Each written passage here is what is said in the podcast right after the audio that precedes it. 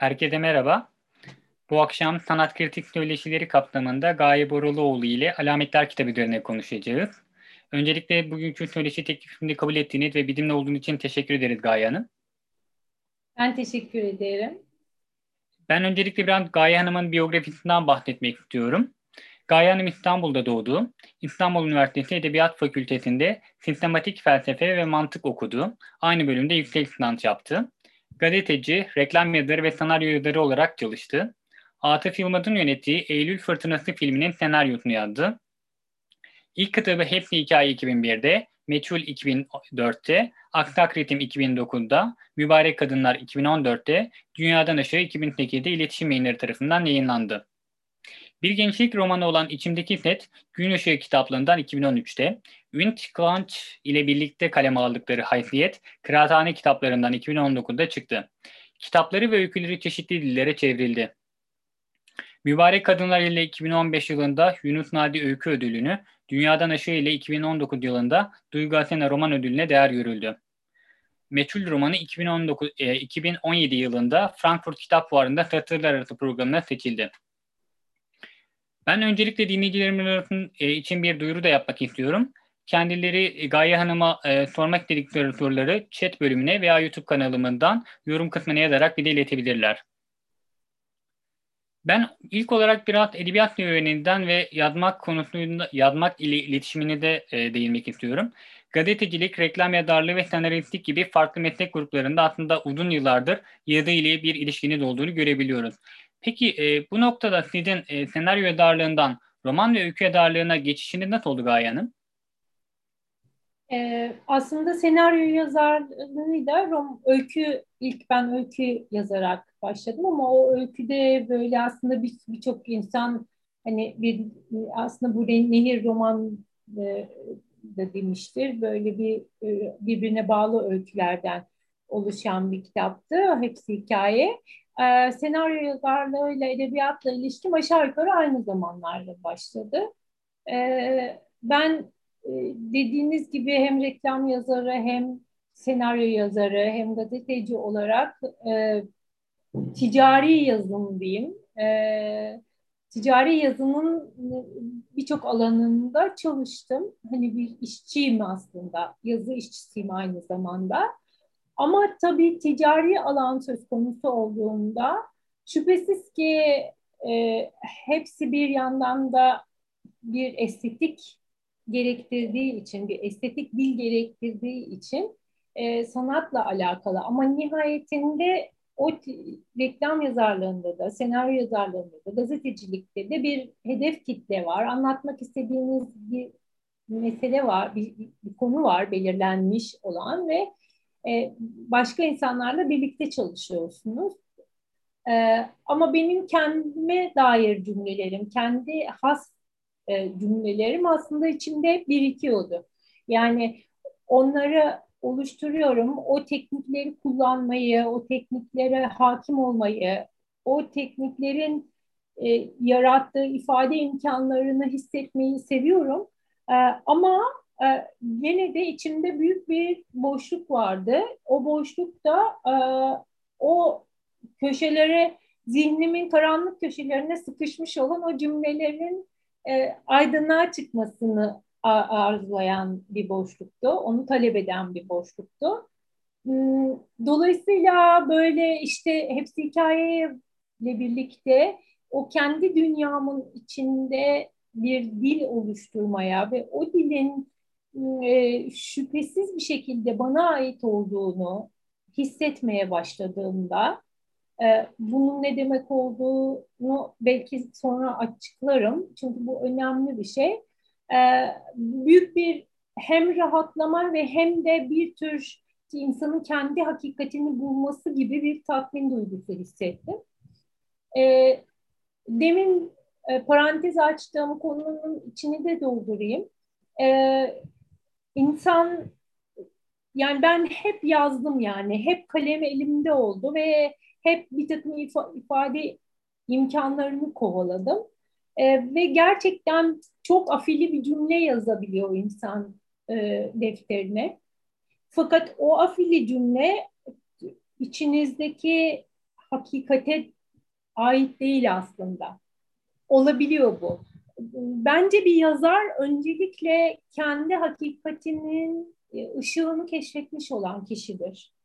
Ee, diğerleri aslında bir tür taklit, bir mimesis. Belki bu sanat değildir demiyorum o yüzden de farkındaysanız. Ee, bir tür mimesis var orada, bir tür taklit var orada. Ee, ben kendi e, rüyamın peşinde olduğum için, kendi rüyamı görmek istediğim için o yolları kapattım. Yani o yollardan yavaş yavaş teker teker ayrıldım ve e, sonuçta işte e, kendi hakikatimi hissettiğim noktadan yürümeye tekrar başka bir yola doğru yürümeye başladım.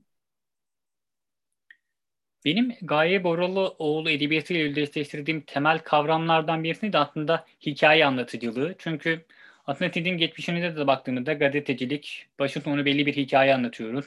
Senaryo, başı sonu belli işte çeşitli olayların olduğu bir hikayeyi izleyicilerle paylaşıyoruz. Romanlarında ve öykülerinde de ben bunu hissedebiliyorum. Yani başı sonu belli. Evet iyi bir hikaye anlatıcısı var burada. Bunu Meçhul'de de görüyoruz. Ahlak Ritim'de, Alametler kitabındaki her bir öyküde.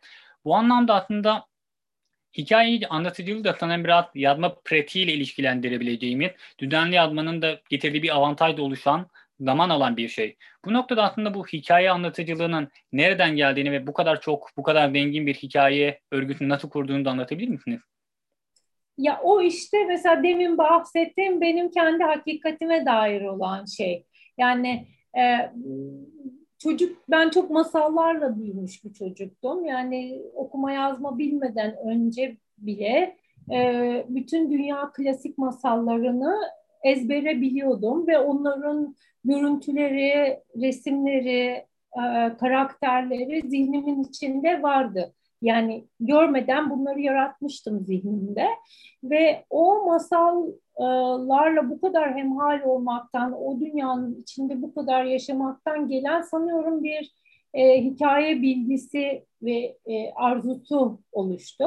O, çok yıllar sonra işte kendi yolumu ara, ararken bulduğum patikalardan bir tanesi de buydu aslında. Yani ben masalsı olan şeyi de seviyorum aslında ve hikaye anlatıcılığını da e, hem değerli buluyorum hem de kendi e, anlatım dilime uygun buluyorum. E, zaman zaman bunu, bunun dışına çıktığım zaman zaman daha kavramsallaştırdığım oluyor. Kavramsallaştığım oluyor. E, orada da tabii şöyle bir şey rol oynuyor. Yani hikayeler giderek aslında benim kendi edebiyatım içinde de baktığımda e, sanki giderek daha etlendi, daha dolgunlaştı, daha doygunlaştı. Belki de bu yaşın verdiği bir etkidir, onu bilmiyorum. Belki deneyimin verdiği etkidir, e, bilmiyorum. Ama sonuçta o doygunlaşma süreci içinde e, e, e, önemli unsurlardan bir tanesi de e, hani sadece hikaye anlatmak değil, e, çok daha başından itibaren, hikayenin başından itibaren bir takım kavramlarla düşünmek, bazı e, meseleleri çok güçlü bir, bir şekilde dert edinmiş olmak, e, bir araştırma ve e, paylaşma arzusunu, zapt edilemeyen bir araştırma ve paylaşma arzusunu içinde taşımak, bütün bunlar e, e, bir araya geliyordu. Yani dolayısıyla yani benim hikaye anlatıcılığım karşımda gördüğüm bir olayı, bir durumu, e, bir duyguyu anlatmaktan öte e, işte kavramlarla, dertlerle, girinti ve çıkıntılarla dolu bir dünya inşa etmek haline dönüştü. Ee, en azından ben böyle bir yolda ilerlediğimi, böyle bir yolun yolcusu olduğumu düşünüyorum. Ee, yani bu yani bütün bunların içinde yine de hep bana benim e, bastonum diyeyim, beni sağlam, kendimi sağlam hissettiğim yer ve aynı zamanda tekniğini de iyi bildiğimi düşündüğüm yer. Çünkü aslında hikaye anlatmak e, gerçekten ciddi bir teknik gerektirir. Hani o tekniği de bildiğimi, hissettiğimi düşündüğüm yer o hikaye anlatıcılığı oldu. Gerçekten de düşünme sürecim içinde yani yaratıcılık sürecim içinde hep böyle başlıyorum. Bir hikaye geliyor aklıma. Bir, bir şey anlatmak istiyorum. Tabii onların çıkış kaynakları konuşulabilir o ayrı ama ona uygun form arıyorum. Yani o, o hikaye bir form istiyor benden. Bu ancak bu bir öykü olabilir diyorum. Bu bir roman olabilir diyorum. Bu bir senaryo olabilir diyorum. Sinema filmi olabilir diyorum. Yani formu sonradan buluyorum. E, uygun olan formu ama her şeyin başı benim için galiba evet hikayeyle başlıyor. Anladım. Aslında buradan biraz da belki alametler e, kitabının çıkış noktasına geçebilir diye düşünüyorum. E, özellikle atmosferiyle yani gene kitapta 14 öykü var ama bunların her birinde farklı bir atmosfer olmakla birlikte birçok e, ortak noktaların da olduğunu söyleyebiliriz aslında. Çok göndermesi olan, mitolojik kahramanlardan işte bazı Nebub gibi yararlanan, e, bir masal dili de olan e, öyküler bunlar. Bu noktada peki alametler noktası nasıl doğdu, nasıl gün yüzüne çıktı? Aslında e, yani birçok kişi alametler kitabı ile ilgili konuşurken hani acaba e, yaşadığımız pandemi sürecinin etkisi mi var demişti. Çünkü aslında e, tabii ki e, bir miktar karanlık bir e, kaynaktan geldiği öykülerin hissediliyor. E, aslında öykülerin çok büyük bir kısmını ben pandemiden önce yazmıştım ama aslında Türkiye'de pandemi e, çok daha önceden başladı. Pandemi şartları çok daha önceden başladı. Yani e, birbirimizle temasımız çok daha önceden kesildi. E, totaliterleşme çok daha önce oluştu. Merkezi yönetim, güçlü merkezi yönetim e, daha önceden vardı. E, pandemi bütün bu e, olumsuz şartları pekiştirdi aslında. Üstüne taçlandırdı diyeyim yani. E, dolayısıyla aslında e, Alametler kitabının öyküleri o karanlığın içinde hangi karanlığın içindeyiz? Bir kere her şeyden önce ona dair bir soru içerir. Ve bu karanlıktan çıkış imkanı var mı? Varsa nerelerde vardır? Bu yani flu olarak bu soruyu sorar. Zihnimin arkasında bu sorular vardı öyküleri oluştururken.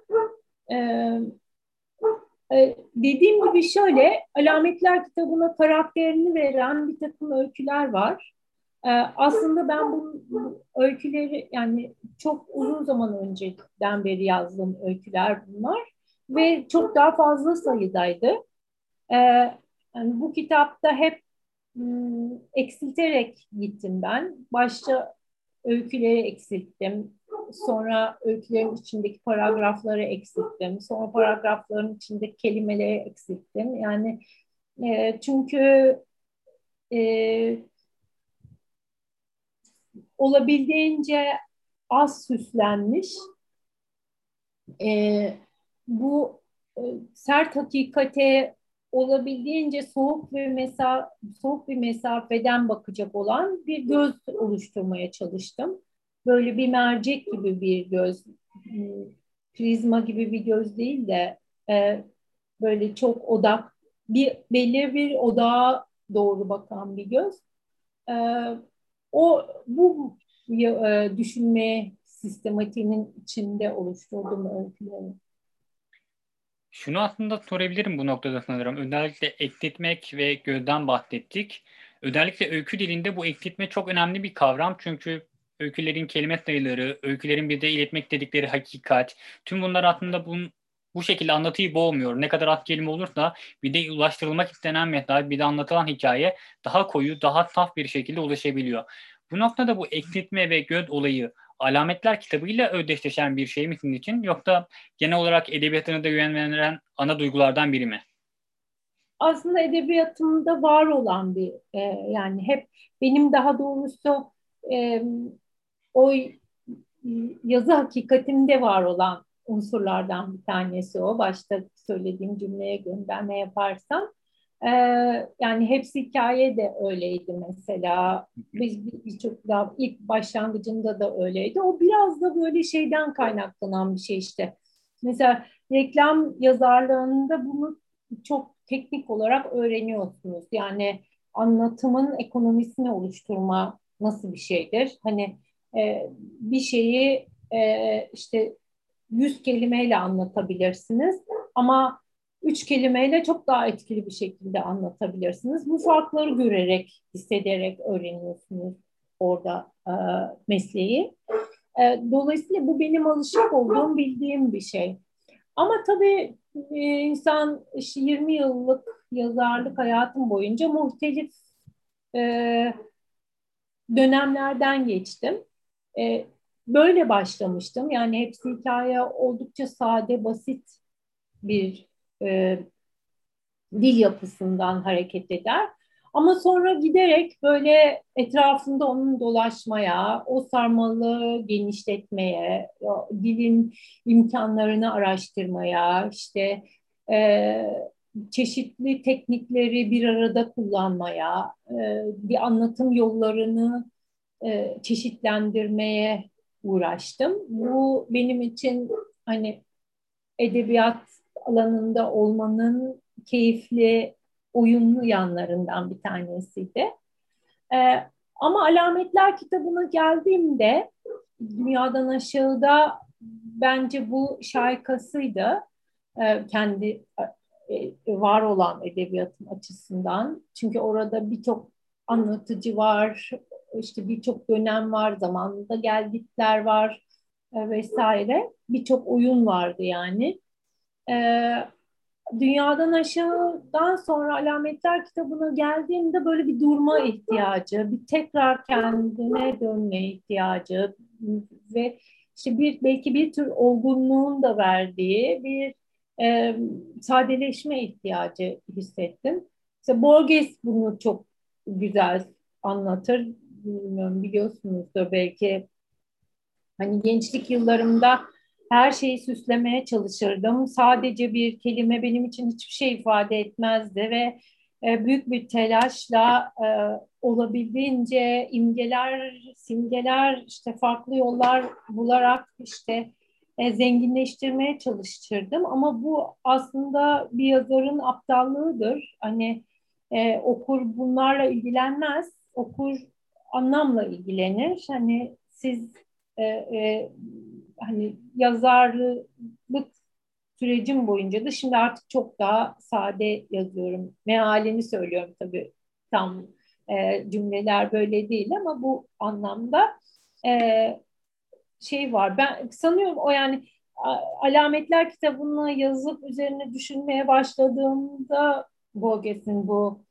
e, ifadesini okumuştum ve sanıyorum aynı şeyleri hissettim. Yani belirli bir olgunluk aslında e, belirli bir sadelik de, e, imkanı tanıyor. Alametler kitabında o imkanı e, kullanmak istedim. Bir de dediğim gibi yani seçtiğim temalar, e, duygular ne kadar sadeleşirsem o kadar güçlü ve etkili bir şekilde ortaya çıkacak diye düşündüm. Az önce aslında az önce de bir küçük giriş yapmıştınız. Buradaki hikayelerin bir kısmının pandemiden önce kaleme alındığını söylemiştiniz. Ben bu noktada şunu sormak istiyorum. Özellikle bir konsept olarak çünkü Alametler kitabının bir konsepti var. Ve evet. peki siz bu öyküleri bu konsepti düşünerek, tasarlayarak mı kaleme aldınız? Yoksa farklı dönemlerde, farklı nedenlerle, farklı şekillerde yazılmış hikayeleri bir araya getirdiniz ve bunları birbirine bağladınız mı? Bunu sormak istiyorum aslında. Şimdi alametli aslında biraz başladım galiba bu, bu konuyla ilgili konuşmaya daha önceki e, cümlelerimin içinde de vardı biraz buna dair bir şey. E, şöyle oldu ben bu e, kitabın karakterini oluşturacak öyküleri yazdıktan sonra yani bunlar işte e, Barınak, Alın Yazısı, Falzepop gibi başta yer alan öyküler özellikle.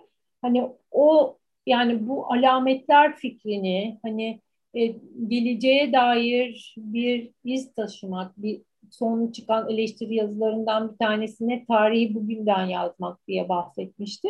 Hani o e, geleceğe dair izleri takip etmek gibi bir hissiyatı oluşturduğumda geriye dönüp yazmış olduğum öykülere baktım. Hani bu kitabın içine girmeye hangileri layık, hangileri değil diye, hangileri bu e, sınırların içinde kalır, hangileri kalmaz. İşte orada ilk eksiltme orada oldu. Yani yazdığım bütün öyküleri e, yayınlanmamış bütün öyküleri koymadım e, kitaba. E, bu kitabın ruhuna, işte duygusuna uygun olacak, çeşitli yerlerden katkıda bulunacak. Çünkü aslında tek bir hat üzerinden de ilerlemez alametler kitabı. Ama e, görünmez bir zincirle birbirine bağlanabilecek ama kendi alanları içinde de bir anlam yapısı oluşturabilecek e, öyküleri böyle bir araya getirdim. Sonra bazı eksiklikler hissettim. E, bazı öyküleri çıkartıp yerine başka şeyler yazdım. E, son yazdığım öykü eşyanın tarihidir mesela. Aslında kita- e, kitaptaki en önemli metinlerden birisi de tuhaflıklar yani kimi kahramanlar doğrudan tuhaf, kimilerinin başına gelenler olay e, gelen olaylar tuhaf, kimin içerisinde bulunduğu durum tuhaf. Yani tam bir tuhaflıklar e, curcunasının olduğunu söyleyebiliriz. E, aslında yaşadıkları zaman da tuhaf. Kimi karakterler çok farklı zamanlarda, çok farklı coğrafyalarda yaşıyorlar. Bu noktada aslında e, sizin e, tuhaf kahramanlar veya tuhaf mekanlara, yerlere olan ilginiz nereden geliyor? Bilim içinde yaşadığımız dünya yeteri kadar tuhaf mıdır yoksa siz onu daha da tuhaflaştırmak mı istediniz acaba? E, bu ilginç bir soru aslında böyle bakmamıştım. Bence çok e, önemli bir nokta. Bu bunu konuşmak, e, bunu konuşma imkanı verdiğiniz için gerçekten teşekkür ederim. Şimdi birlikte düşüneceğiz. Çünkü bu benim hani e, aman tuhaf şeyler yapayım diye e, e, işin başına oturduğum bir konu değil. E, şöyle bir şey var Tabii post-truth çağında yani e, hakikat sonrası deniyor değil mi? Hakikat sonrası çağda aslında zaten tuhaf da yeniden tanımlandı. Yani biz hakikatle bağlarımız zayıfladığında e, hakikat olmayanla ya da neyin hakikat olduğuyla e, ilişkimiz de e, muğlaklaştı sadece hakikatle değil, hakikat olmayanla da ilişkimiz muğlaklaştı. Aslında bakacak olursanız bir insan ve yazar olarak beni en çok rahatsız eden e, meselelerden bir tanesi bu. Yani bu kayıp, kaybolma hali, bu kopukluk ve bu e, ortaklaşma alanlarının ve ortaklık dilinin e, zayıflaması, bu seyrelme hali e, zihinlerimizi yalnızlaştırdı aslında. Bizleri de yalnızlaştırdı. Ve gözümüze her şey de tuhaf gelmeye başladı bu sebeple. E, Alametler kitabındaki öyküler e, tuhaf ama hayat kadar tuhaf değil. Yani yine de hayat kadar tuhaf değil. E, mesela barınak öyküsü en her, herhalde tuhaf gelecek öykülerden bir tanesidir. Ama daha geçen gün e, hani bar, mesela barınak öyküsünden hareketle bir takım insanlar işte biraz distopik gibi tanımlamışlardır öyküleri. Ama geçenlerde e, bir haber gönderdi bir okurum ve orada şey söylüyordu e, haberde yani Amerika'dan Meksika sınırına yakın bir yerde göçmen çocuklar için barınaklar yapılmış ve tel kafeslerin arkasına konmuş çocuklar. Yani ben bundan hiç haberim olmadan yazdım ama şunu hissediyordum yani bu Alametler kitabındaki bütün hikayeler e, yani en absürt olanlar, en tuhaf olanlar bile bu dünyanın var olan gerçekliğinden uzakta değiller aslında. Çok yanı, yanı başımızdalar. Yani her an bir, bir adım var aramızda. Hatta bazen birden bakışımızı böyle çevirdiğimizde aslında o gerçekle burun buruna geleceğiz. Yani orada bize distopik gibi gelen gerçekle burun buruna geleceğiz. Çünkü böylesine işte sizin de dediğiniz gibi tuhaf bir çağda yaşıyoruz. O tuhaf çağın temel me meselesi de e, bir ütopyanın olmaması, bir ortak e, hayalin ulaşılmak üzere e, arzulanan bir ortak idealin insanlık adına a, ortadan kaybolmuş olması. Öyle olma, olunca aslında distopyanın kendisi zaten hakikatin kendisi oluyor. Tabii bir de bütün bu süreci pandeminin yarattığı, getirdiği şartlar da çok pekiştirdi. Ee, ve sonuçta e, Alametler kitabı e, bize o hakikatin alaşağı edildiği post-truth e, çağının bir sonucu, bir yan etkisi olarak e, ortaya çıkmıştır.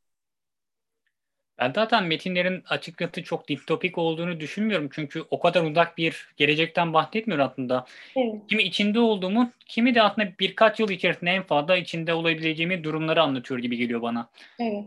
Biraz da meta ya da biraz yani bakışla ilgili bir şey. Bu biraz böyle baktığımızda, biraz hayal kurduğumuzda aslında e, ger onunla yüz yüze gelebiliriz. Yani e,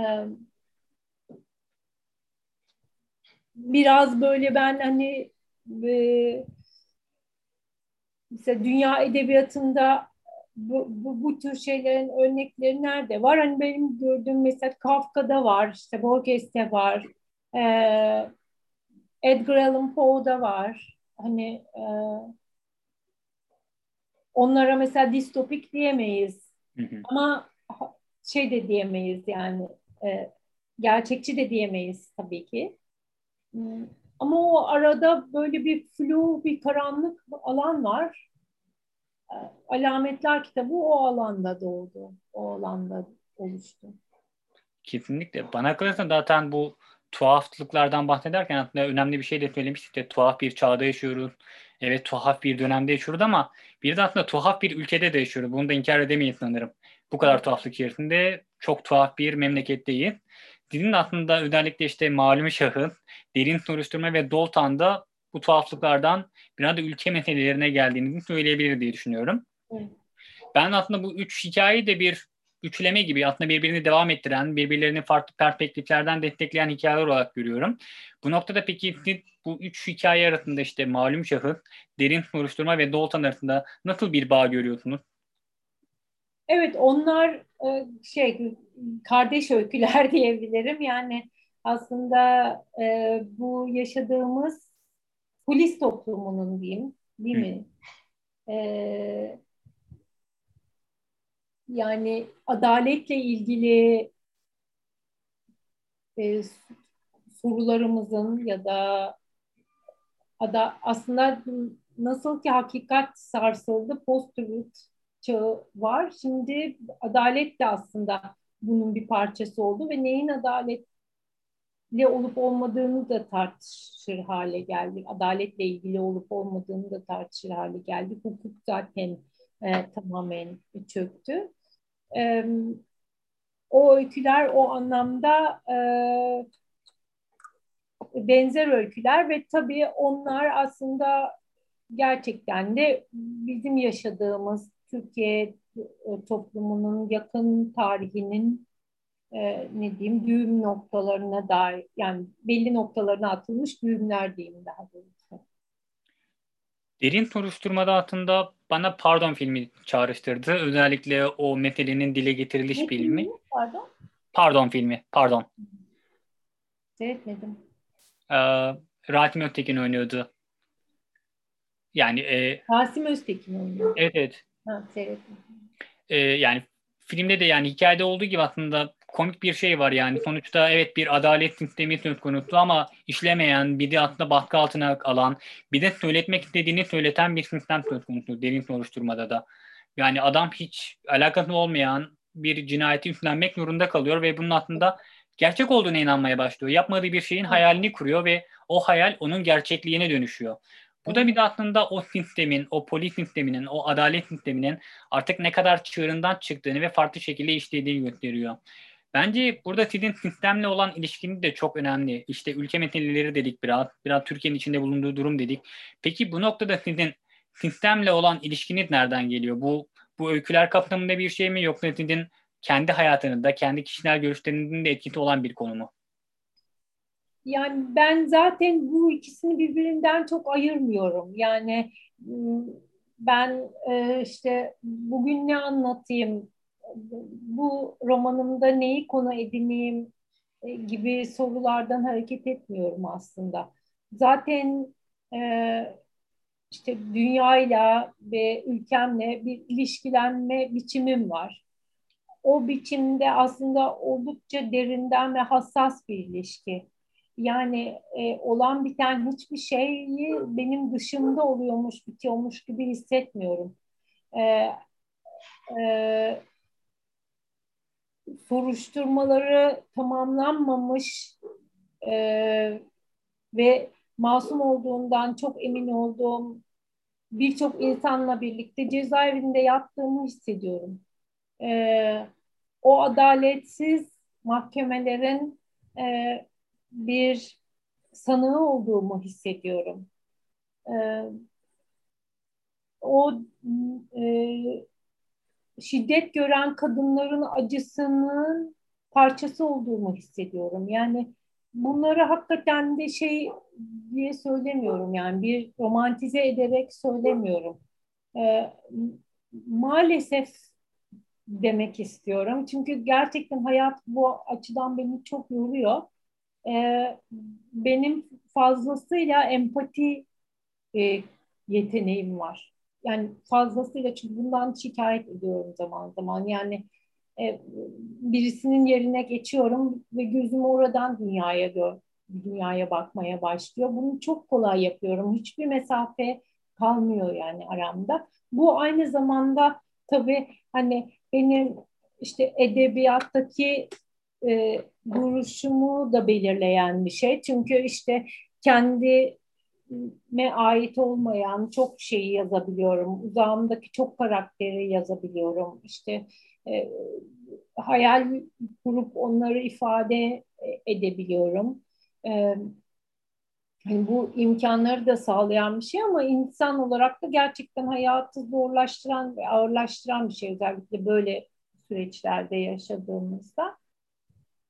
Şimdi dünyaya böyle bakıp böyle daha doğrusu böyle bakıp demeyeyim. Dünyayla böyle buradan ilişkilenince ve bir yazarsanız eğer zaten aslında e, o alanın içinde o zihin yapısının içinde kurguluyorsunuz. Dilinizi dünyanıza anlatacağınız hikayeyi hikaye anlatma biçiminizi kullanacağınız kelimeleri karakterlerinizi e, o dünyanın içinde belir şekillendiriyorsunuz. Hani ben de böyle birisiyim, böyle ilişkileniyorum. Ee, hani ve hakikaten biraz bizim ülkemize de özgü bir şey. Yani adaletsizliğin bu kadar yoğun olduğu bir iklimde insanın kendisini huzur içinde hissetmesi çok zor. Ee, sorun bence o huzursuzluğu nasıl yönlendireceğinizle ilgili. Yani huzursuzluğunuzu yok edemezsiniz. Yani gerçekten duyarlı biriyseniz, gerçekten empati kabiliyetiniz varsa e, olanlardan ve olacak olanlardan olanlardan duyduğunuz huzursuzluğu ve olacak olanlardan duyacağınız kaygıyı engelleyemezsiniz aslında. Ancak yönlendirebilirsiniz, manipüle edebilirsiniz, şekillendirebilirsiniz. Benim yapmaya çalıştığım bu. Ben yazıyla yapmaya çalıştım. Yani yeteneğim orada olduğu için bunu yazıyla, ifadeyle yapmaya çalışıyorum. Hikaye anlatarak yapmaya çalışıyorum. Başka biri başka yol bulur.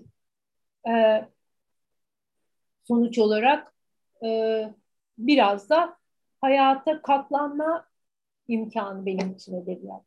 Kişisel olarak. Buradan belki biraz Doltan hikayesinden devam edebilir diye düşünüyorum. Doltan aslında bana bir e, çiftçi hikayesini hatırlattı. Çiftçinin biri bir gün baltasını kaybediyor ve komşunun çocuğundan şüphelenir ve o komşu çocuğu kendine işte hırsız gibi davranıyor gibi gözüküyor. Yaptığı her şeyde bir şüphecilik görür. Çiftçi ama baltasını buldur bir gün onu ahırda unutmuştur ve komşu çocuğuna tekrar baktığında aslında onun da diğer çocuklardan farklı olmadığını, onun da diğerleri gibi davrandığını görür. Aslında burada önemli olan e, kişinin bakış açısıdır. Onun nasıl görmek istediğiyle alakalıdır. Doltan da bence böyle ve zamanımızın içinde bulunduğumuz şartların, içinde bulunduğumuz ülke gerçeklerinin oldukça içinde olan bir hikaye. İşte bir terör örgütü, bir hayali diyelim şimdilik, e, bir hayali terör örgütü vardır. İktidar bunu da yatıyordur. Ve onu ona inanarak etrafına bakmaya başladığında evet bu bir işte bu çiftçi bir terör örgütüdür, bu bakkal terörcüdür falan der. Ve hikayenin başında e, sonunda aslında çok önemli bir şey olur. Aslında kendisi bir yere götürülüyordur ve o zaman uyanmaya başlar aslında. Yani en karanlık, her şeyin en karanlık olduğu yerde e, uyanmanın alametini görmeye başlarız. Bu nokta ben de şunu sormak istiyorum. Peki kişinin uyanması için, hakikati keşfetmesi için en dibi görmesi mi gerekir illaki? Ee, tabii ki gerekmez. Çok başından buna e, fark eden, çok başından anlayan insanlar da vardır. Ama bu bir zeka meselesi bence. Yani e, zeka ve zihinsel açıklık, sezgi, yani e, bunlarla ilgili, kabiliyetlerle ilgili bir mesele. Hani Zoltan'daki karakter e, belli, hani az akıllıdır. E, ona verili olan cümlelerin e, e, uygulamasıyla hayatını mükellef kılmıştır. Ama aslında bakacak olursak bir yandan da e, bu çok klasik de bir şey. Çünkü aslında böyle baktığınız zaman, böyle yaşadığınız zaman hayatı yani size verilmiş bir imkanlar silsilesi var. Küçük ya da büyük önemli değil. Ama bu silsilenin içinde işte küçük küçük atlaya zıplaya atlaya zıplaya o yolu takip edersiniz ve gidip çıkıp gidersiniz sonra da. Hani e, o işte ama o yolda başınız başınıza ne gelecek ya onun arkasında bilmem ne varsa bu arada bu yolda giderken kaç kişiyi düşürüp kırıyorum, öldürüyorum, mahvediyorum, e, e, kimlerin başına ne işler açıyorum falan diye düşünmezseniz yani öyle bir üst bilginiz, üst gözünüz yoksa e, o zaman zaten işte o Zoltan'daki karakter gibi oluyorsunuz. Yani e, tabii ki o karakter biraz sembolize edilmiş, e, naifleştirilmiş bir karakter ama yani e, özü itibariyle çok da yaygın bir e, hal.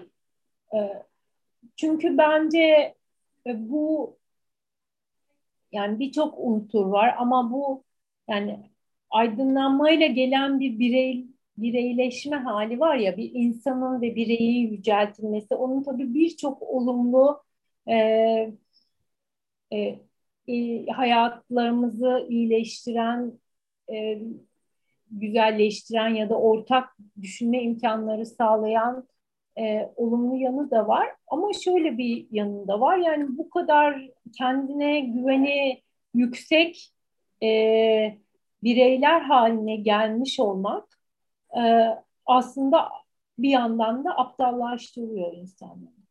Çünkü e, kendine güven her zaman sorgulanması gereken bir şey. E, bilakis genellikle hani az zekalı insanlar tarafından tam tersi gibi anlaşılır. Yani kendine güvenen insan kendini sorgulamaz diye düşünülür. Ama öyle, işte o o zaman Zoltan'daki karakter oluyorsunuz. Ee, gerçekten kendine güvenmek demek. Ee, her şeyi yapabilirim demek değil. Neyi yapabilirim, neyi yapamam bunun farkında olmak demek. Onun içinde bir sorgu mekanizmasını otomatik olarak ruhunuzda ve aklınızda iş, işletmeniz gerekiyor. E, yani Zoltan'daki karakter e, işte genel olarak özellikle bizim gibi ülkelerdeki ama ben bunun sadece bizim gibi ülkelere özgü de olduğunu düşünüyorum. Yani Amerika'da Amerika 4 yıllık bir Trump iktidarı yaşadı ve yani ikinci dört yılı e, kıl payı yaşamaktan kurtuldu ve çok büyük çabalarla kurtuldu. Hani aynı mesele orada da geçerli ya da dünyanın birçok yerinde şimdi yeniden böyle milliyetçi akımlar işte böyle e, belirli bir ideale tamamen kilitlenmiş ve sorgulama ve e, soruşturma yeteneklerini kaybetmiş düşünme e, e, ekolleri yeniden ortaya çıkıyor ve yeniden güncelleniyor, güncelleşiyor. Belki buradan biraz konuyu değiştirerek başka bir yere varabiliriz. Anahtar deliği hikayesine. Çünkü benim en heyecanlandığım, en sevdiğim hikayelerden biriydi. Çünkü o garsonun her defasında e, gözünü bir e, anahtar deliğine dayaması ve orada ne göreceğini merak etmek çok güzel bir histi bence. Bunun e, günah olduğunu, bunun yasak olduğunu, bunun aslında kabul edilebilir olmadığını farkındayız ama kendimizi de o garsonun yerine koymaktan, bunu yapmaktan men edemeyin bana kalırsa. Özellikle ben Rantier'in e, bir kitabını çalışıyordum e, TED'im için ve orada da aslında dikicilikle alakalı aslında dikiciliğin ne kadar yasak olsa da insanı kendine çeken bir yanı olduğundan bahseder Rantier. Burada da aynı şeyin e, olduğunu söyleyebilirim. Ancak e, e, bu hikayenin sonu benim bambaşka bir yere atar. Çünkü sonunda bir cinayete tanık olunur ve bu cinayeti üstlen, üstlenir. Ben galiba bir cinayet istedim der. İçeride işlenen cinayeti üstüne alır. Çünkü ona tanık olmuştur ve o ihale ona kalmıştır. Aslında bu hikayenin çok e, alametler kitabı çerçevesinde çok tipik yanları olduğunu düşünüyorum. Şunun gibi sürpriz sonlar. Neredeyse bütün hikayelerinin beni ters köşe yapıyor. Hiçbirinin sonu beklediğim gibi olmadı. Bu anlamda bunun çok özel ve çok güzel bir şey olduğunu düşünüyorum. Peki bu anlamda siz hikaye sonlarını yazarken bu tür e, karşı takıma bir gol atayım, bir kontra atak, bir ters köşe yapayım gibi bir düşünceniz mi vardı yoksa yok hikayeler böyle gelişti bir anda aslında bu sonlar ortaya çıktı durumu mu var? Ee, yo öyle e, yani hiç öyle bir niyetim yok. Ee, ama ilginç bir şekilde mesela ben bana göre onlar olağan ve olması gereken sonlar. Yani ben öyle düşünüyorum. Ve mesela şuralarda da şaşırtıcı, e, şaşırıyorum bazen. E, mesela bazı öyküleri hiç komik bulmuyorum ben ama onları okur çok komik buluyor. Bazı öyküleri hiç o kadar acıklı bulmuyorum ama okur çok acıklı buluyor, çok duygusal buluyor. Bazı ortaklaştığımız yerler de oluyor tabii. Ama şey fark ediyorum yani yazar olarak e, o öyküyle hemhal olma biçiminiz, yazma süreciniz sizi getirdiği nokta, o zihin durumunun e, eğrileriyle okurun okuma eğrileri aynı şeyler değil. E, benim yani mesela benim için bütün öyküler olması gerektiği gibi yani o hikaye o, o sonu hak eder diye düşünüyorum. Hani şaşırtıcı olduğunu da benim için şaşırtıcı değil mesela o sonlar. Ama size böyle geliyorsa tabii bu iyi bir şey yani ve e, bundan hiçbir şikayetim olmaz. bu çünkü yani okur olarak baktığımda beklemediğim bir sonla karşılaşmak eğer hayal kırıklığına uğramıyorsam beni eğlendirir. Kesinlikle tam tersi yani özellikle genelde işte bir hikaye okurken bir atmosfer vardır, bir duygu vardır. O belli bir şekilde devam eder ve ona uygun bir şekilde ama burada bir ters köşe var bu, bu benim çok keyif aldığım bir şey çünkü hiç beklemediğim, hiç planlarım arasında olmayan, hiç seçenekler arasında görmediğim bir şey. Bu, bu, bu bana çok keyif veren bir şeydi. Ben bu anlamda da ayrıca çok sevdiğimi söyleyebilirim aslında. Teşekkür ederim. E, buna Rica sevindim. e, Kanuni Orospu hikayesinde şöyle bir cümle var. Bu benim çok ilgimi çekti. Hikaye de aslında böyle bitiyor. Meğer bütün erkeklerin matala ne kadar çok ihtiyacı varmış. Yani bu çok tartışıcı bir cümle. Özellikle işte son günlerde, son aylarda, yıllarda ülkedeki işte kadın cinayetleri, erkekler, kadınlar bu tür metinleri düşündüğümüzde işte İslam Sözleşmesi çok daha aslında farklı şekillerde yorumlanabilecek bir cümle. Bu noktada şunu söylemek, sormak istiyorum aslında. İçinde olduğumuz bu şartlarda, bu ülkede, bu coğrafyada erkeklerin ihtiyaç duyduğu şey masallar mıdır yoksa bu masallar aracılığıyla kendileriyle karşılaşma ve bir yüzleşme midir? Zaten aslında masallar da biraz o işe yaramaz mı? Yani e, birincisi her şeyden önce bir hayal kurma e, alanı açar önümüzde. E, ki hayal eden insanın kötülükle ilişkisinin e, daha e, zayıf olacağını düşünüyorum. Yani hayal kuran insanlar kötülüğe daha mesafeli olacaklardır diye düşünüyorum.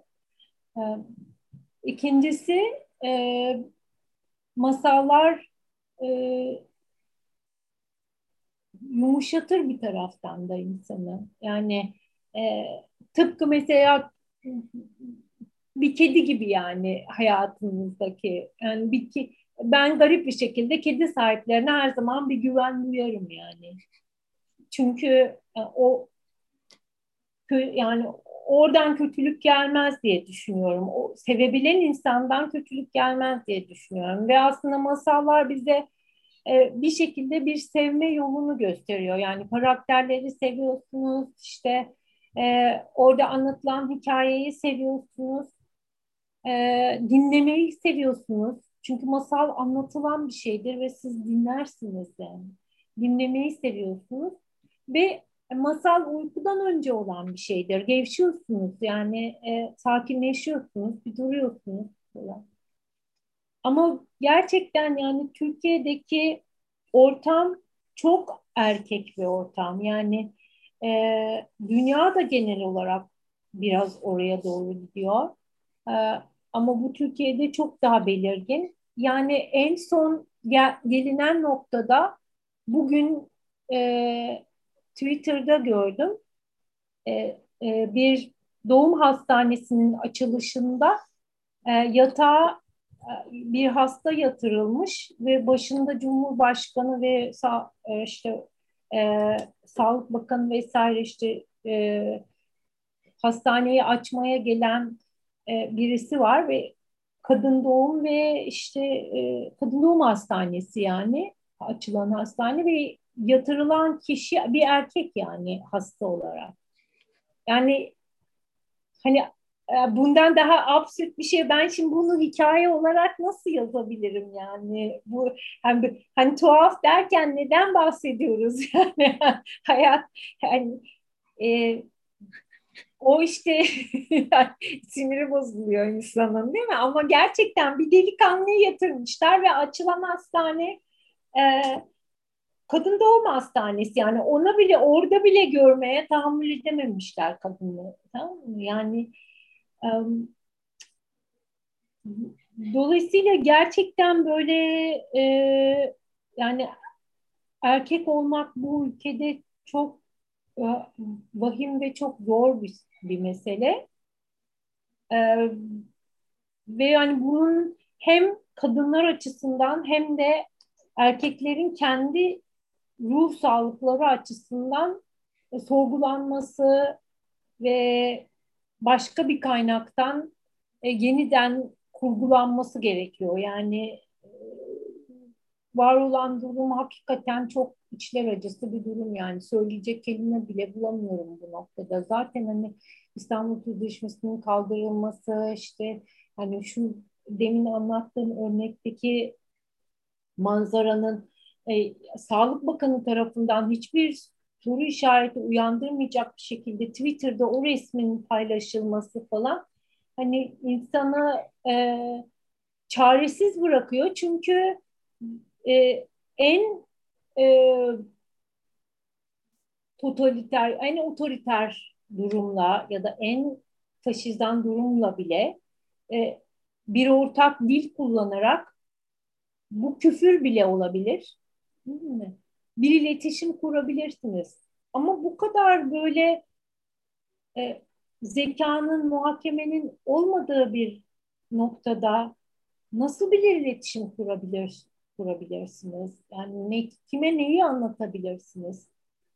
Yani o yüzden de hani işte tabii o öyküdeki bir imge nihayetinde o ama e, masal dinleyerek ve hala masallara düşkün bir e,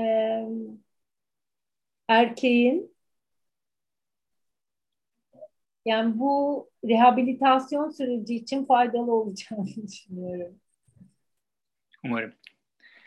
Ee, peki çalıntı hikaye ve haram aslında birbirinin devamı olan veya birbirinin öncesini ve sonrasını gösteren iki farklı hikaye. Ancak bu hikayeleri mesela peş peşe vermiyorsunuz. Ee, önce çalıntı hikayeyi veriyorsunuz ardından birkaç hikaye araya giriyor ve bir de bir anda işte haramda tekrar aslında o atmosfere, o hikayeye, o hikayenin kahramanlarının başına neler geldiğinde tekrar geri dönüyoruz. Evet. Bu noktada aslında kitap boyunca da hiçbir kahramanın unutulmadığını ve aslında bir yerde ortaya tekrar çıkabileceğini hissediyoruz. Ee, peki sizde bu hikayeleri birbiriyle konuşturma, birbiriyle karşılaştırma veya bu hikayenin başını veya sonunu yazmak, yeniden yazmak, farklı açılardan e, göstermek. Bu merak, bu ilgi nereden geliyor acaba? Ben aslında yazarken de oyun oynamayı seviyorum. Ben işte masalları seviyorum, oyunları seviyorum. Yani onlar hani bu yaşımda bu e, e, dünyanın içinde yani edebiyat dünyasının içinde buralardan ortaya çıkıyor. Yani bu özel büyük yüce anlamlar yükle, yüklemiyorum. Yani zaten edebiyat tarihinde de e, işte kahramanlarını devam ettiren e, e, işte bir romanındaki bir yan karakteri başka bir romanında ana karakter haline getiren çok çok sayıda yazar var. Türk Edebiyatı'nda da var. Yani bu o anlamda bir buluş vesaire tabii ki değil. Sadece işte kendi kendime yarattığım bir oyun. Bir arka arkaya koymama sebebim de aslında öyküler arasında bir devamlılık yok yani çok da böyle hani öyküler birbirinin devamı gibi öyküler değil. Kendi başına ayakta duran, kendi başına başka meseleleri olan öyküler. Ama e, işte bir ortak e, nokta var, bir bir espri var, bir oyun var. E, o oyun o şekilde kuruluyor. Mübarek Kadınlar'da da yapmıştım böyle bir şeyi e, de orada da birbirinin e, bir süre sonra devam eden e, öyküleri vardı. Tabii şöyle bir şey var yani e, gene yani benim edebiyatımın hemen temel, hemen hemen temel noktalarından bir tanesi e, aynı olaya e, farklı gözlerle bakan insanların e, ruh halleri yani Meçhul tamamen bunun üzerine kurulu bir romandı örneğin. İşte e, Aksak ritimde e, vardır bu. Yani Güldane'nin gözüyle e, e, Halil'in gözü aynı olayı tamamen başka türlü anlatır. anlatır. Yani bu e, dünyadan aşağıda keza e, e, var. E, bu yani aynı olayın başka yerlerinde durup kendi hakikatlerini yazan insan karakterleri e, benim hep zaten ilgimi çekiyor ve işte o hakikatin ne olduğu sorusu 20 yıldır peşimi bırakmıyor yani. O hep sorduğum ya da işte bir şekilde düşündüğüm üzerine diyeyim meselelerden biri. Hı hı. E, Kırmızı Defter isminde bir hikaye var. Bu aslında kitaptaki belki de yani çok büyük e, tartıcı bir hikaye değil aslında. Belki günlük hayatta çok karşımıza çıkan bir hikayedir. İşte bir baba oğul hikayesidir. Baba uzun bir süre sonra kentini ziyaret edecek oğlu için işte bir yemek hazırlamak ister. Ancak evlat o gün gelmez. işi çıkar bir bahaneyle gelme ve adam büyük bir emek vererek harcadığı yemeği buzdolabına koyup uykuya dalar. Aslında bu bir yandan çok acıklı bir hikaye ama bir yandan da bence günlük hayatımızın içerisinde çok sıklıkla yaptığımız, karşı tarafı hiç düşünmeden, belki karşı tarafı hiç işin içine katmadan yaptığımız bir şeydir. Bugün eve gelmeyeceğim veya işte bugün geç kalacağım vesaire. E, aynı e, buna benzer bir durumu Alın Yanıtı hikayesinde de görüyoruz. Orada bir Alzheimer anne ile onun oğlu arasında bir hikaye var.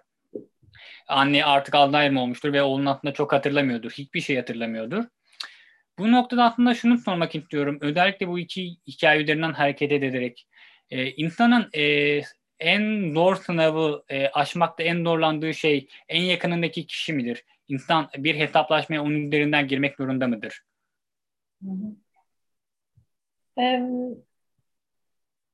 Bu aslında e, ister istemez yaptığımız bir şey. Yani çünkü e, hayatınızın içine giren herkesi atabilirsiniz, çıkarabilirsiniz. Yollarınız bir süreki birlikte gider, e, sonra dağılırsınız bir kenara. Yıllarca karısıyla birlikte işte bir evliliği sürdüren insanlar e, sonra ba- kendi başlarına yollarına gidiyorlar ve onlar yaşlanırken aslında ben niye böyleyim? Ben e, benim davranışımın arkasında e, karım mı vardı ya da kocam mı vardı sorusunu sormuyorlar. Annem mi vardı, babam mı vardı sorusunu soruyorlar. Çünkü aslında e, sokağa yani doğuyoruz, hayata atılıyoruz ama hayata yalnız atılmıyoruz. Yani bir anne ve bir baba imgesiyle birlikte atılıyoruz. Onlar olmasa bile, yani var olmasalar bile, hiç var olmamış olsalar bile, e, sizin aslında kendi varlığınızın içinde varlar. Ee, ve aslında bu hesaplaşma, bu e, şiddeti çok değişik oranlarda ve değişik şekillerde olan bu mesele e, giderek hayatımızda simgesel boyut bir boyut kazanıyor. Çünkü aslında bakacak olursanız bütün hayatınıza eşlik eden başka bir unsur yok. Hiçbir unsur bütün hayatınızda eşlik etmiyor sizin. İş hayatınız, yetenekleriniz, e, evliliğiniz, arkadaşlıklarınız geliyorlar, geçiyorlar ya da bir noktadan itibaren size. Ama anne baba mevzu öyle bir şey değil yani. O başından var ve sonuna kadar var. Bir noktada sizi terk etmiş olsalar bile, hiç tanımamış olsanız bile e, var bu mesele. Dolayısıyla e, dünyadan aşağı çok bunun üzerine kuruluydu. Tamamen baba oğul meselesi üzerine kuruluydu. Ama bu ebeveyn ilişkisi benim merkezimde olacaktır muhakkak. Çünkü insana dair temel meselelerden bir tanesi. Ama tabii e, şöyle bir yanı var. E, böyle olduğu için de üzerinde çok konuşulmuş, çok e, yazılmış, çizilmiş, çok hayallenilmiş bir e, konu. E, ama bu aynı zamanda bir meydan okumada hani burada yeni bir şey nasıl söyleyebilirim? Ya da yeni nasıl e, farklı bir şekilde söyleyebilirim? Ne, nereden bakabilirim sorusunu sormak. Ben kendi kendime her kitabımda ya da her yazdığım şeyde e, bu tür bir meydan okuma kendime dair, kendi edebiyatıma dair yapıyorum aslında bakacak olursanız. Bu da benim oyunlarımdan bir tanesi. Şimdi konuyu biraz daha farklı bir yere taşımak istiyorum ve Baal Debup isimli hikayeye gelmek istiyorum. Ben bu hikayeyi modern bir Lucifer hikayesi olarak da yorumluyorum. Özellikle arka planında işte o Baal Debup'un başından geçenler, onun Mezopotamya coğrafyasında farklı kültürlerde nasıl farklı anlamlara geldiği ve nasıl şeytan bir e, ifadeye, nasıl şeytan bir karaktere dönüştüğü hikayesi. Bu çok güçlü bir hikaye bence. Özellikle bu hikayeyi bilen birisi için de bence hikayenin söylediği şeyler çok daha farklı, çok daha dengin bir hal alıyor. E, Baldebuk'ta çok normal aslında hikayenin başında normal bir karakter görüyoruz. İsmi Adar Bayburt'tur. Ancak hikaye ilerledikçe bambaşka birine dönüşür, şeytanlaşır aslında bir noktada. Bu bana şunu hatırlattı aslında hayatımızdaki belki şeytan olarak tanımlayacağımız insanlar da bir dönem normaldi. Birden biriydi. Hiçbir fark yoktu işte. İkinci Dünya Savaşı'nda Mandela'nın, Hitler'in, e, Goebbels'in aslında doktor, sanatçı, öğretmen gibi çok normal insanlar olmaları ancak belirli şartlar geldiğinde onların nasıl da içlerinden bir şeytan çıkabileceğini bana hatırlatıyor. İşte burada da Aday Bayburt o gittiği barda gördüğü bir kişi nedeniyle bir anlamda şeytanlaşır ve bir anlamda çok e, kurgulanmış, çok iyi bir oyun kurar ve bir anda her şeyi birbirine katar. Ben de bu kötülük meselesini ve kötülüğün nasıl doğduğunu sormak istiyorum aslında. Aday Bar, e, Bayburt ne oldu da, nasıl oldu da bir anda Baal Debub'a dönüştü veya aslında o hep Baal Debub'tu da biz onun farkında mı değildik? Evet, o aslında hep öyleydi. Yani zaten aslında bakacak olursan e, kitap yani öykünün içinde bunun ipuçları e, ince ince vardır. Yani o çıkarken sokağa çıkarken de aslında böyle bir oyun kurmak üzere çıkar. Yani hani bunu o barda ve o şekilde kurması tesadüftür. Çünkü karşısına o öyle bir ortam çıkar ve e, ama zaten aslında sokağa çıkarken bu oyunu e, niyetli olarak çıkar. Yani dolayısıyla o zaten hayatta hep böyle oyunlar kurmuş ve bu şeytani oyunlarla yaşayan, işini de öyle sürdüren, işte bütün e, hayat araçlarını o şekilde kuran birisi. E, o aslında yani şeytanilik olarak e, e, tarihte anlatılan, bugün e, sıradan kötülük olarak karşımıza çıkan e, e, nasıl diyeyim fenalığın yani e, başımıza musallat olan e, bu e, kötülüğün cisimleşmiş hali gibi, kişileşmiş hali gibi bazı. Evet, o bir şeytan aslında. Şeytan başka bir şey değil yani ve onlardan çok var aslında. Yani o da o öykü de öyle bir şey. Yani e, mesela o öyküye baktığımız zaman da bir hayal ürünüyle karşılaştığımızı düşünüyoruz değil mi? Ama eğer gerçekleri kabul etme cesaretine sahip olursak o öyküdekinden çok daha fena karakterlerin bizim hayatımızın muhtelif yerlerine yerleşmiş olduğunu görebiliriz. İşte bu yüzden alametler kitabı o Evet kesinlikle. Eşyanın tarihi isimli hikayede de bambaşka bir aslında geçmişle alakalı ama etkileri bugün hala süren, bugün acıları hala devam eden bir olaya değiniyorsunuz. 7-8 e, Eylül 1955'te yaşananlar. E, hikayeyi yani okuyanlar sanırım oldukça etkilenecektir. Çünkü o sonunda vardığımız nokta bizi oldukça derinden etkiler ve bizi yüzleşmekten kaçındığımız, bir türlü kabul etmediğimiz, bir, yani reddettiğimiz, hiç yokmuş gibi davrandığımız e, bir takım meselelerle karşılaştırır. Ve burada da aslında e, evlat babasının işlediği bir suça tanık olur. Hiç bilmediği. Aslında aslında bu kötülükten bahsediyoruz yine. Babasının aslında nasıl bir şeytan olduğunu yıllar sonra o artık ortada yokken öğreniyor ve bugün kendine miras kalan şeyin arkasında kanlı bir şeyler olduğunu, onun normal yollardan kazanılmayan şeyler olduğunu fark ediyor. Ve bu noktada hatta utanmaya da başlıyor bir noktada. Bu noktada ben de şunu sormak istiyorum. Bu reddettiğimiz geçmiş, bu yüzleşmekten kaçındığımız şeyler bugünümüzü nasıl şekillendirir ve babamı da ait, ailemi de ait, geçmişten tanıdığımız birilerine ait utanç aynı zamanda bizim utancımız mıdır? Ne kadar güzel bir soru sordunuz. Bunun üzerine bir Zoom webinar toplantısı daha yapabiliriz. Çünkü bu gerçekten Türkiye'nin en önemli, en has meselelerinden bir tanesi. Kesinlikle. Çünkü bizde aslında bakacak olursanız yüzleşme kültürü yok. Biz hep üstünü örtmeyi, yok saymayı e, ve bunun tekniklerini geliştirmeyi çok iyi biliyoruz. E, yani bunu sadece bir devlet politikası, bir işte e, ideoloji olarak değil ama kişisel hayatlarımızda da aslında e, bu yok sayma, görmezden gelme, e, üzerinden geçip gitme, yüzleşmeme durumunu yaşıyoruz. Yani bu hepimizin aslında büyük derdi. Eğer işte burada tekrar o hakikat meselesine dönüyoruz. Bu da çünkü hakikati perdeleyen e, doğal davranışlardan bir tanesi.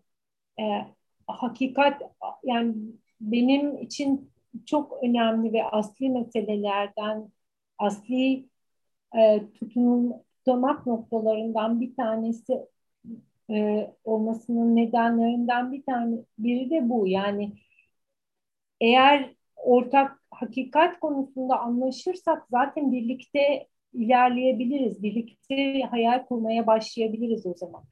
Ama hepimiz reddediyorsak o zaman konuşulacak bir konu da ortadan ortada kal olmuyor. Yani eğer e, o e, baba k, k, e, bir vicdan azabı duyup kızına bu hakikati anlatmış olsaydı o kız belki de bu kadar salak birisi olmayacaktı. Başına da bunlar gelmiş olmayacaktı. İcra memurları kapısına dayanmış olmayacaktı. Çünkü o aslında kocasını da görmezden geldi. Başına gelecekleri de görmezden geldi. Çünkü bunu çok iyi beceriyoruz. Yani bugün hala hani bütün yaşadığımız e, felaketlere rağmen bu felaketleri değiştirecek gücü bulamayışımızın sebebi de bu. O felaketleri gerçekten de felaketmiş gibi aslında yaşamıyoruz. Bir yerlerde olup biten bir şeyler gibi ve yokmuş gibi yaşıyoruz. Öyle olunca da aslında müdahale e, e, kabiliyetimiz kısıtlanıyor. Müdahale arzumuz azalıyor. E, ve sonuçta aslında hep daha da kötü, daha da fena, daha da acayip şeylerle e, karşılaşıyoruz. Bu e, böyle bir e, e, sarmal. E, o hikaye aslında e, hakikaten böyle hem utanç meselesi açısından hem Türkiye tarihi açısından hem e, e, sevdiklerimizle ilişkili ilişkilerimizdeki e, samimiyetimiz açısından birçok açıdan e, konuşulabilir, birçok açıdan bakılabilir e, o hikayeye, o, o, o çiftin ruh haline. Yani ama şurası bir gerçek. Yani Alametler kitabı evet büyük oranda kötülüğün sıradanlığı üzerine bir kitaptır. Hani ben işte bir tarihten itibaren Hannah Arendt okumaya başladım ve gerçekten de e, düşünce dünyamı e, ve siyasi olayları anlama kabiliyetini genişletti. Çok hani minnettarım. Çok bence e, yaş yani e, yüzyılın en önemli filozoflarından bir tanesi Hannah Arendt. E, hani e, ve bu bahsettiğiniz görmeme, yüzleşmeme, e, o eşyanın tarihi kitabının odağında olan mesele aslında kötülüğün başlangıç noktalarından bir tanesi. Kötülüğün kaynaklarından bir tanesi. Çünkü hakikati kabul etme e, e, cesaretine sahipseniz e, o zaman kötülük yapma konusunda e, daha doğru karar verirsiniz. Daha dikkatli olursunuz. Çünkü şurası bir gerçek. E, kötülük yapan hiç kimse kötülük yapıyorum diye bunu yapmıyor. E, herkes kötülüğün başkaları tarafından üretildiğini, iyiliğin kendisi tarafından üretildiğini düşünüyor. Kötülük dışarıdan gelen bir şey, iyilik içeriden gelen bir şey gibi algılanıyor. Ama öyle değil kötülük içeriden gelebilir. Kaynağı bizim içimizde olabilir.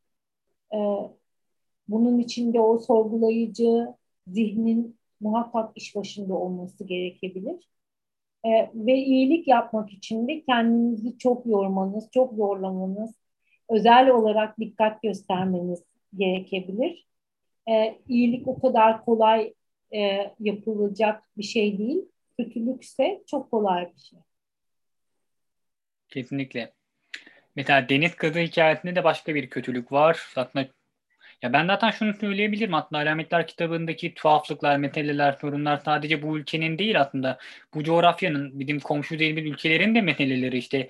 Deniz Kızı da mesela onlardan biri ve en önemlilerinden biri bana kalırsa işte bir mülteci krizine yani ana öykü, ana örgü oradaki bir mülteci krizidir. İşte dağlarda işte köyü talan edilen insanlar ilk önce dağa çıkarlar. Ardından bir kısmı uzun bir yolculuğun ardından sonuçta denize ulaşırlar ve karşı kıyıya geçip aslında hayatlarını kurtarmayı beklerler ve bu gerçekleşmez. Ve ben bu noktada aslında yani sizin zaten bütün kitapta değindiğiniz konular, coğrafi konular, işte bilim meselelerimiz olduğu kadar çok sosyal, çok canlı, çok bugün içinde olan konular. Bu noktada aslında ben de bir yandan Deniz Kızı hikayesinin nasıl doğduğunu ve onun nasıl bağdaştırdığınızı bir yandan da sizin bu sosyal meselelere neden ve nasıl bu kadar çok ilgi duyduğunu, onu neden edebi üretimlerinde taşımak istediğinizi sormak istiyorum. Bu anlamda aslında güncelin tarihini yazdığını da söyleyebilirim. Evet. Ee, yani bu dediğim gibi daha önce de biraz aslında değindim. Hani böyle planlı ve benim için dışım benim dışındaki bir konu diye bir şey yok. Yani ben bu meselelerle yaşıyorum. Böyle zihnim bunlarla dolu. Ee, bunlarla halleşmeye çalışıyorum ve e, edebiyatta benim için böyle bir şey. Yani yazarın zihni neredeyse öncelikle bir zihin işi bence edebiyat ve yazarın zihni neredeyse dili de orada gelişiyor, hayat buluyor, şekilleniyor. Ee, benim seçtiğim yol biraz yani seçtiğim demeyeyim daha doğrusu yani içimden gelen hayatımı belirleyen yol e, bu politik meseleler hallolmayan e, sorunlar, işte etrafımızı saran e, kötülükler üzerine düşünmek. Yani bu benim ya, yaşam biçimim. Hep böyle oldu. Edebiyattan önce de böyle oldu. E, dolayısıyla benim yani edebiyatım da bu sularda şekilleniyor. Buralarda e, yol buluyor kendine. Hı hı. E, bunun biraz da bir vicdan sorunu olduğunu düşünüyorum. E, aslında temelde e, yani ben kendi kendime dertlenip e, çok güzel aşk romanları da yazabilirdim. Çünkü bunu yazma, bunu yapabiliyorum yani. Çünkü yazının işçiliğinden geldiğim için ve e, teknik olarak bildiğim için bunu yapabilirdim. Ama yani benim için edebiyat böyle bir şey değil. Yani onu başka şeylerde yaptım. Hani ticari alanda vesaire. Ama bu benim için edebiyat biraz da e, bu vicdan so nimes yani vicdanıyla insanın vicdanıyla hareket etmesi, e, kendi vicdanını sorgulamak, e, aklamak değil ama sorgulamak e, olduğunu hissediyorum. E, başka cevapsız bıraktığım bir şey var mı? Bir, ha, ha, Deniz Kızı öyküsünden e, bahsettik. Evet. E, yani Deniz benim birçok aslında öyküm e, böyle hani şu konuda bir öykü yazayım şeklinde olmuyor. Yani gözümün önünde bir hayal beliriyor. Bir masal sesi duymaya başlıyorum. Bir cümle oluşuyor. Ee, işte bir imge e, şekilleniyor. Sonra ben onlar böyle bir şekilde onlar zihnimin içinde dönüp duruyorlar ve oradan sonra e, yavaş yavaş bir beden kazanıyorlar. Bu bir hikaye bedeni. Bir, bir hikayenin oluşma öyküsü böyle oluyor benim için. Dinleyicilerimiz için küçük bir duyuru yapayım. Ben şimdi son soruya geçeceğim ve eğer dinleyicilerimden de Gaye Hanım için sormak istedikleri varsa chat box'ta yazarak YouTube'dan ve Zoom üzerinden bir de iletebilirler. Ben de birazdan okuyacağım Gaye Hanım için. E, aslında kitabın da son öyküsü belki bilmiyorum öykü mü demek gerekir veya notlar mı? E, Yükleniş isimli metin bu küçük bir notla aslında Neher Farid'in ardından e, e, şeklinde küçük bir notla bitiyor. Burada sanırım Lübnanlı itfaiyeci kadın e, Neher Farid'le bir e, atıf var. Onun ardından ne diyorsunuz bu metni? Bu metin aslında kitaptaki en bana kalırsa içten, en e, öykü gibi olmayan ama bir şekilde bir de duygulandıran, bir de bambaşka şeyler düşündüren metinlerden birisi. Her Faret'in hikayesinde sizi bu kadar etkileyen ne oldu acaba?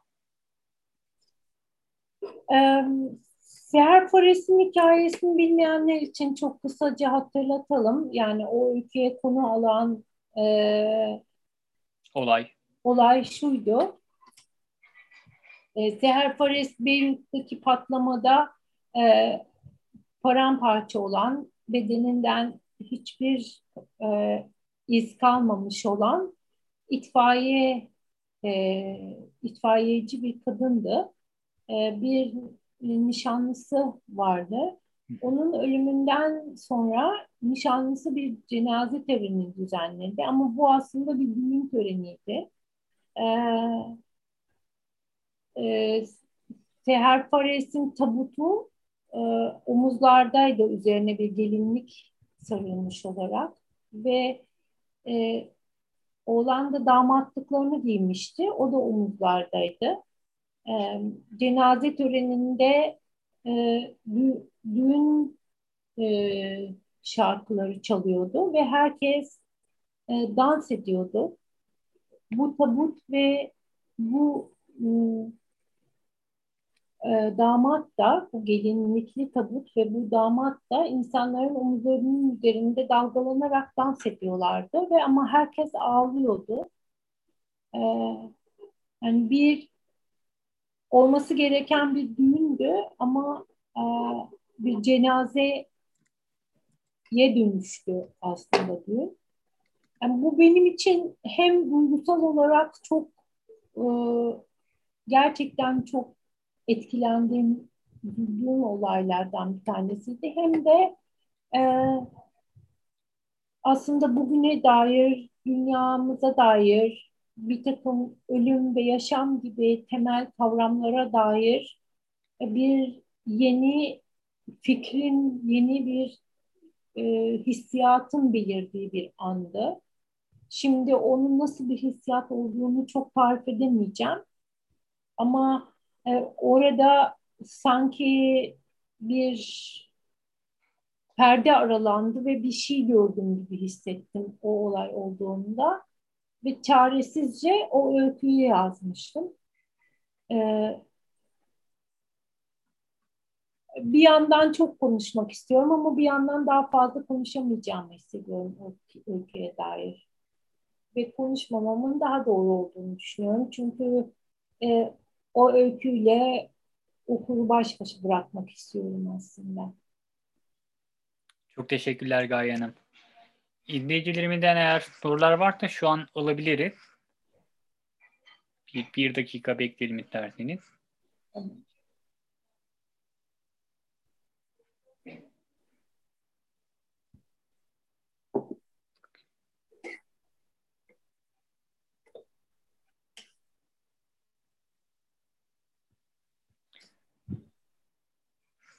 Sanırım şu an soru yok Gaye Hanım. Bu akşam bizimle olduğunuz ve sorularımızı cevapladığınız için çok teşekkür ederiz. E, Alametler kitabını bir e, severek okuduk. Umarım dinleyicilerimizden de hem söyleşiden hem de kitaptan büyük keyif almışlardır. Çok teşekkür ederim ve iyi akşamlar. Ben teşekkür ederim. Çok güzel bir söyleşi oldu. Ayrıca bu pandeminin ilk e, özgür cumartesisi diyeyim. Hani herkesin dışarı çıktığı bir e, gün. E, umarım bir daha kapanma olmaz ve tekrar tekrar e, daha e, canlı e, söyleşilerde okurlarla birlikte bir araya gelebiliriz. E, katılan, dinleyen herkese de teşekkür ederim. Çok teşekkürler. İyi akşamlar. İyi akşamlar.